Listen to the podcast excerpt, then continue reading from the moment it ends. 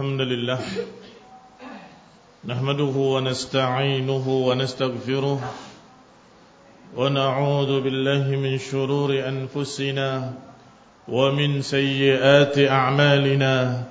من يهده الله فلا مضل له ومن يضلل فلا هادي له. وأشهد أن لا إله إلا الله وحده لا شريك له.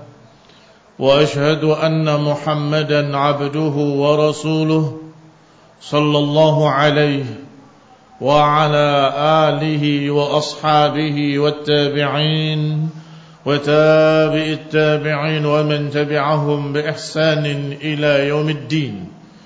يا أيها الذين آمنوا اتقوا الله حق تقاته ولا تموتن إلا وأنتم مسلمون.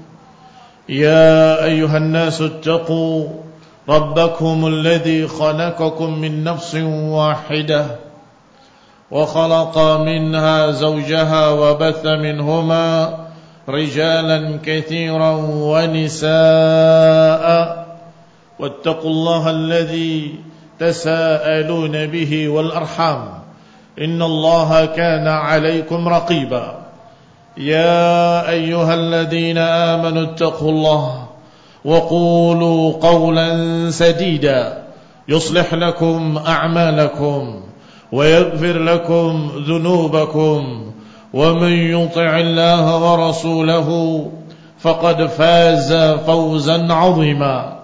أما بعد فإن خير الحديث كتاب الله.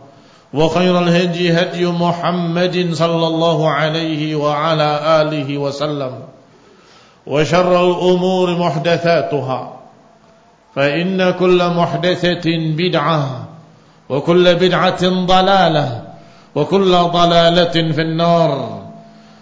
إخواني الحاضرين سيدنا جمعة رحمني ورحمكم الله. الحمد لله Kita terus bersyukur pada Allah Subhanahu wa taala ala ni'amihil mustamirrah atas kenikmatan-kenikmatannya yang juga terus-menerus. Tiada henti Allah berikan kepada kita. Dan khususnya yang paling besar, yang paling tinggi nilainya adalah nikmatul hidayah, nikmatul Islam, nikmatul iman, nikmah dengan ilmu bimbingan sunnah nabawiyah kaum muslimin ahli sunnah rahimani wa rahimakumullah. Maka kenikmatan ini harus terus kita jaga. Harus terus kita pegang thabat ala din thabat ala tauhid thabat ala sunnah. Kita harus kokoh di atas agama harus kokoh di atas tauhid dan harus kokoh di atas sunnah apapun yang ada di hadapan kita. Dari berbagai macam fitnah-fitnah apapun yang datang di hadapan kita dari berbagai macam godaan dan rintangan apapun yang menghempas kita dari gelombang-gelombang syubuhat gelombang-gelombang wasawis syaitan kaum muslimin rahimani wa rahimakumullah. Karena syaitan akan terus menerus menggagalkan dan berupaya untuk menggagalkan kaum muslimin dari jalannya yang lurus. Dan di antara bentuk-bentuk cara penipuan syaitan adalah dengan menakut-nakuti. Apakah menakut-nakuti dengan bahaya ancaman dari syaitan dari jenis manusia dan anak buahnya? Atau ancaman dari apa yang akan didapat oleh seseorang ketika menjalani jalan yang lurus? Jika engkau menjalani jalan yang lurus, engkau akan binasa engkau akan miskin. Syaitan ya'idukumul faqr. Syaitan selalu membayang-bayangkan pada kalian kemiskinan, kebangkrutan, kekalahan ila akhirih. Dan syaitan juga menakut-nakuti dengan berbagai macam akibat-akibat yang digambarkan betapa mengerikannya oleh syaitan agar manusia mau mengerjakan langkah-langkah syaitan agar manusia mau mengerjakan apa yang diarahkan oleh iblis dan anak buahnya syaitan dari jenis jin dan manusia. Allah berfirman innama dzalikumus syaitan yukhawwifu awliya'ah. Sesungguhnya itu adalah syaitan yang menakut-nakuti wali-walinya. Fala takhafuhum wa khafuni in kuntum mu'minin. Jangan kalian takut pada mereka, tapi takutlah kepadaku jika kalian mukminin. Allah Subhanahu wa taala membimbing kita agar kita istiqamah di atas jalan Allah. Seharusnya Allah yang lebih kita takuti. Bagaimana kalau kita melanggar sunnah? Bagaimana kalau kita meninggalkan agama? Bagaimana kalau kita meninggalkan apa yang diajarkan oleh Allah dalam Quran dan sunnah?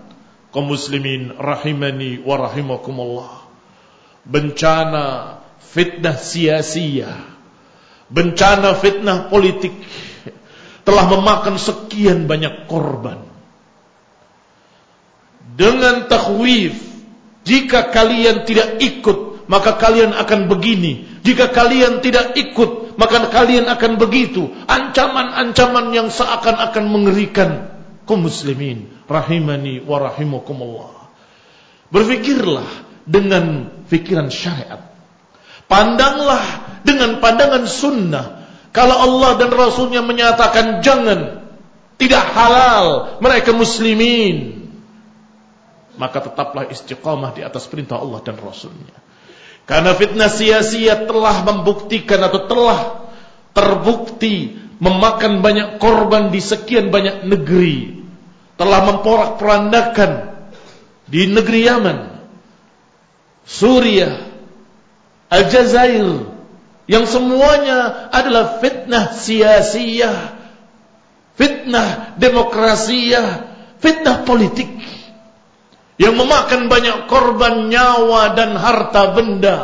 Kau muslimin rahimani wa rahimakumullah. Mereka mengancam mereka menakut-nakuti, mereka menyatakan niscaya akan begini kalau kita tidak melawan, kalau kita tidak memberontak, kalau kita tidak berperang, maka akan begini, maka akan begitu. Kita jawab al-muslimun bersaudara. Kaum muslimin tidak halal darahnya. Kaum muslimin kita tidak mau melawan sesama kaum muslimin. Ikhwan fillah azakumullah, pegang kuat-kuat. Ucapan Rasulullah wasallam la yahillu damam muslimin illa bi ihdatsaat. Pegang kuat-kuat sunnah Rasulullah sallallahu alaihi wa ala alihi wasallam. Tasma' wa tuti'. Tetaplah kalian taat, tetaplah kalian sabar, tetaplah kalian menjalankan apa yang diperintahkan selama itu perkara yang sesuai dengan sunnah, selama itu perkara yang mubah. Ikhwani fi din, a'azzakumullah. Kaum muslimin rahimani wa rahimakumullah. Allah Subhanahu wa taala juga berfirman Alladzina qala lahumun nas. Mereka-mereka yang dikatakan pada manusia Innan nasa qad jama'u lakum fakhshawhum. Sesungguhnya manusia telah berkumpul untuk menyerang kalian. Takutlah kalian pada mereka. Maka Allah Subhanahu wa taala menyatakan fazadahum imanan mereka justru bertambah imannya. Wa qalu hasbunallah wa ni'mal wakil. Mereka berkata cukup bagi kami Allah. Sebaik-baik tempat kami bergantung padanya. Tawakal Allah. Takhwif. Dilawan dengan tawakal takhwif. Bayangan-bayangan yang mengerikan. Gambaran-gambaran yang menakutkan. Dilawan dengan tawakkalna Allah. Kami bertawakal pada Allah Subhanahu wa taala. Kami berharap pada Allah Subhanahu wa taala kebaikan-kebaikan. Fanqalabu bi ni'matillah maka mereka berpaling dengan kenikmatan dari Allah. Wa fadl dan keutamaan dari Allah. Lam yamsashum. Su tidak menimpa mereka kejelekan sedikit pun.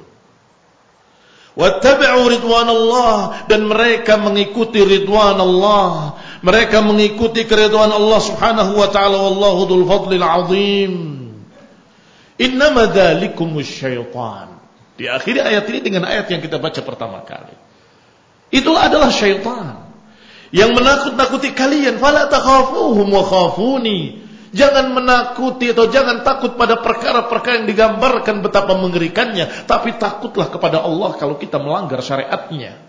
Takutlah kepada Allah kalau kita menyelisihi agama yang diajarkan Rasulnya sallallahu alaihi wa ala alihi wasallam. Ikhwani fid din, a'azakumullah. Kadang mereka ditakut-takuti dengan bayangan-bayangan. Ternyata itu adalah bayangan mereka sendiri. Ternyata tidak sebesar itu. Ternyata tidak semengerikan itu. Ternyata itu hanya gambaran-gambaran provokasi dari para provokator. Kau muslimin rahimani wa rahimakumullah. Alaihissallahu bikafin abdah. Bukankah Allah akan mencukupi hambanya? Wa yukhawifunaka billadina min dunih. Mereka selalu menakut-takuti dengan sesuatu yang selain Allah. Wa fama lahu min had. Siapa yang disesatkan oleh Allah, enggak akan ada yang bisa memberikan petunjuk kepadanya. Kaum muslimin rahimani wa rahimakumullah. Setelah Allah menyatakan alaihissallahu bikafin abda, bukankah Allah mencukupi hambanya? Allah katakan bahwa mereka yukhawifunaka. Mereka selalu menakut-nakuti dengan selain Allah Subhanahu wa taala. Dengan sesuatu yang sungguh kebanyakannya adalah dusta. Kebanyakannya adalah gambaran-gambaran yang salah atau gambaran-gambaran yang dilebih-lebihkan. Kaum muslimin rahimani wa rahimakumullah. Wa minan nasi man yaqulu amana billah wa idza udiya fillah ja'ala fitnatan nas ka'adzabillah.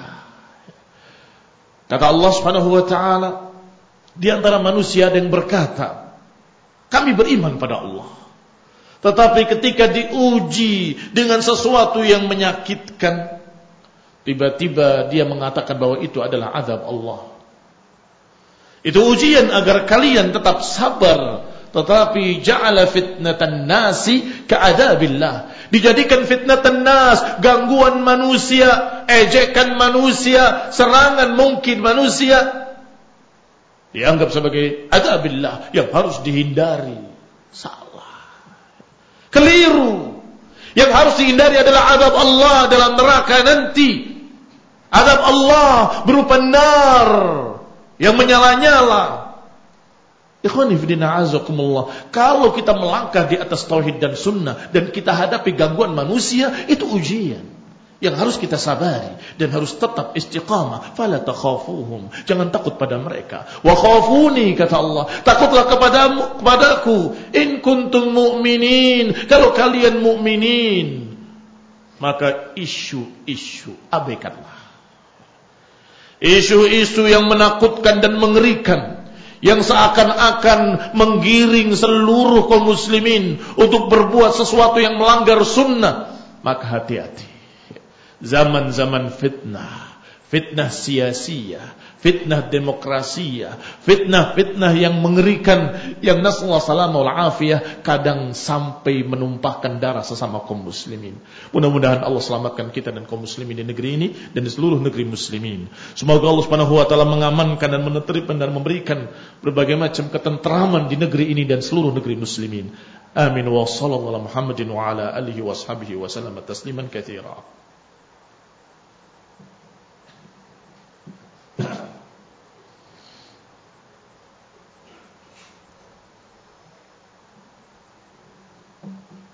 الحمد لله الحمد لله الذي هدانا لهذا وما كنا لنهتدي لولا أن هدانا الله عباد الله kaum muslimin sidang Jumat yang berbahagia.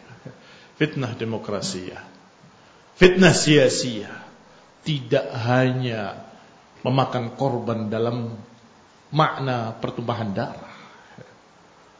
Yang lebih mengerikan dari itu adalah fitnah kesesatan dan penyimpangan dalam berfikir. Kesesatan dalam memandang sesuatu. Yang seharusnya memandang dengan Quran wa sunnah. Yang harusnya memandang dengan dalil-dalil. Dengan ayat-ayat dan hadis-hadis yang sahih. Ketika sudah termakan dengan fitnah sia-sia. Sebagian kaum muslimin sudah tidak lagi melihat dalil. Mereka melihat kual, kuantitas bukan kualitas. Mereka melihat jumlah yang terbanyak. Mereka melihat mayoritas yang terbanyak. Mereka tidak melihat benar atau salah. Mulai tidak lagi mengukur dengan qala Allah wa qala Rasul, tetapi mengukur dengan banyaknya jumlah. Ikhwani fillah azakumullah. Yang kedua, yang juga disebabkan fitnah sia-sia adalah mereka sibuk dengan berita, sibuk dengan koran, TV dan sibuk dengan berita-berita di internet. Sibuk dengan berbagai macam hoax. Lebih banyak mereka baca daripada ayat dan hadis. Lebih banyak mereka kaji daripada qala Allah wa qala Rasul. Lebih banyak mereka membaca media-media tersebut daripada membaca Al-Quran, mengkaji kitabullah, daripada membaca tafsir, daripada membaca hadis-hadis. Ikhwan fillah sibuk dengan fiqhul waqi'. Sampai mereka paksakan fiqhul waqi' sebagai ilmu yang harus dipelajari. Sebagaimana yang terjadi pada sururiyin, hizbiyin. Apakah di Mesir atau di Kuwait ataupun di Saudi yang kemudian merambah ke Indonesia. Mereka menyatakan fiqhul waqi' harus dipelajari. Sifatul asr. Sifatul asr adalah sifat kekinian harus dipelajari. Kita harus membaca media. Kita harus mendengarkan situasi dan kondisi politik. Ila akhirih.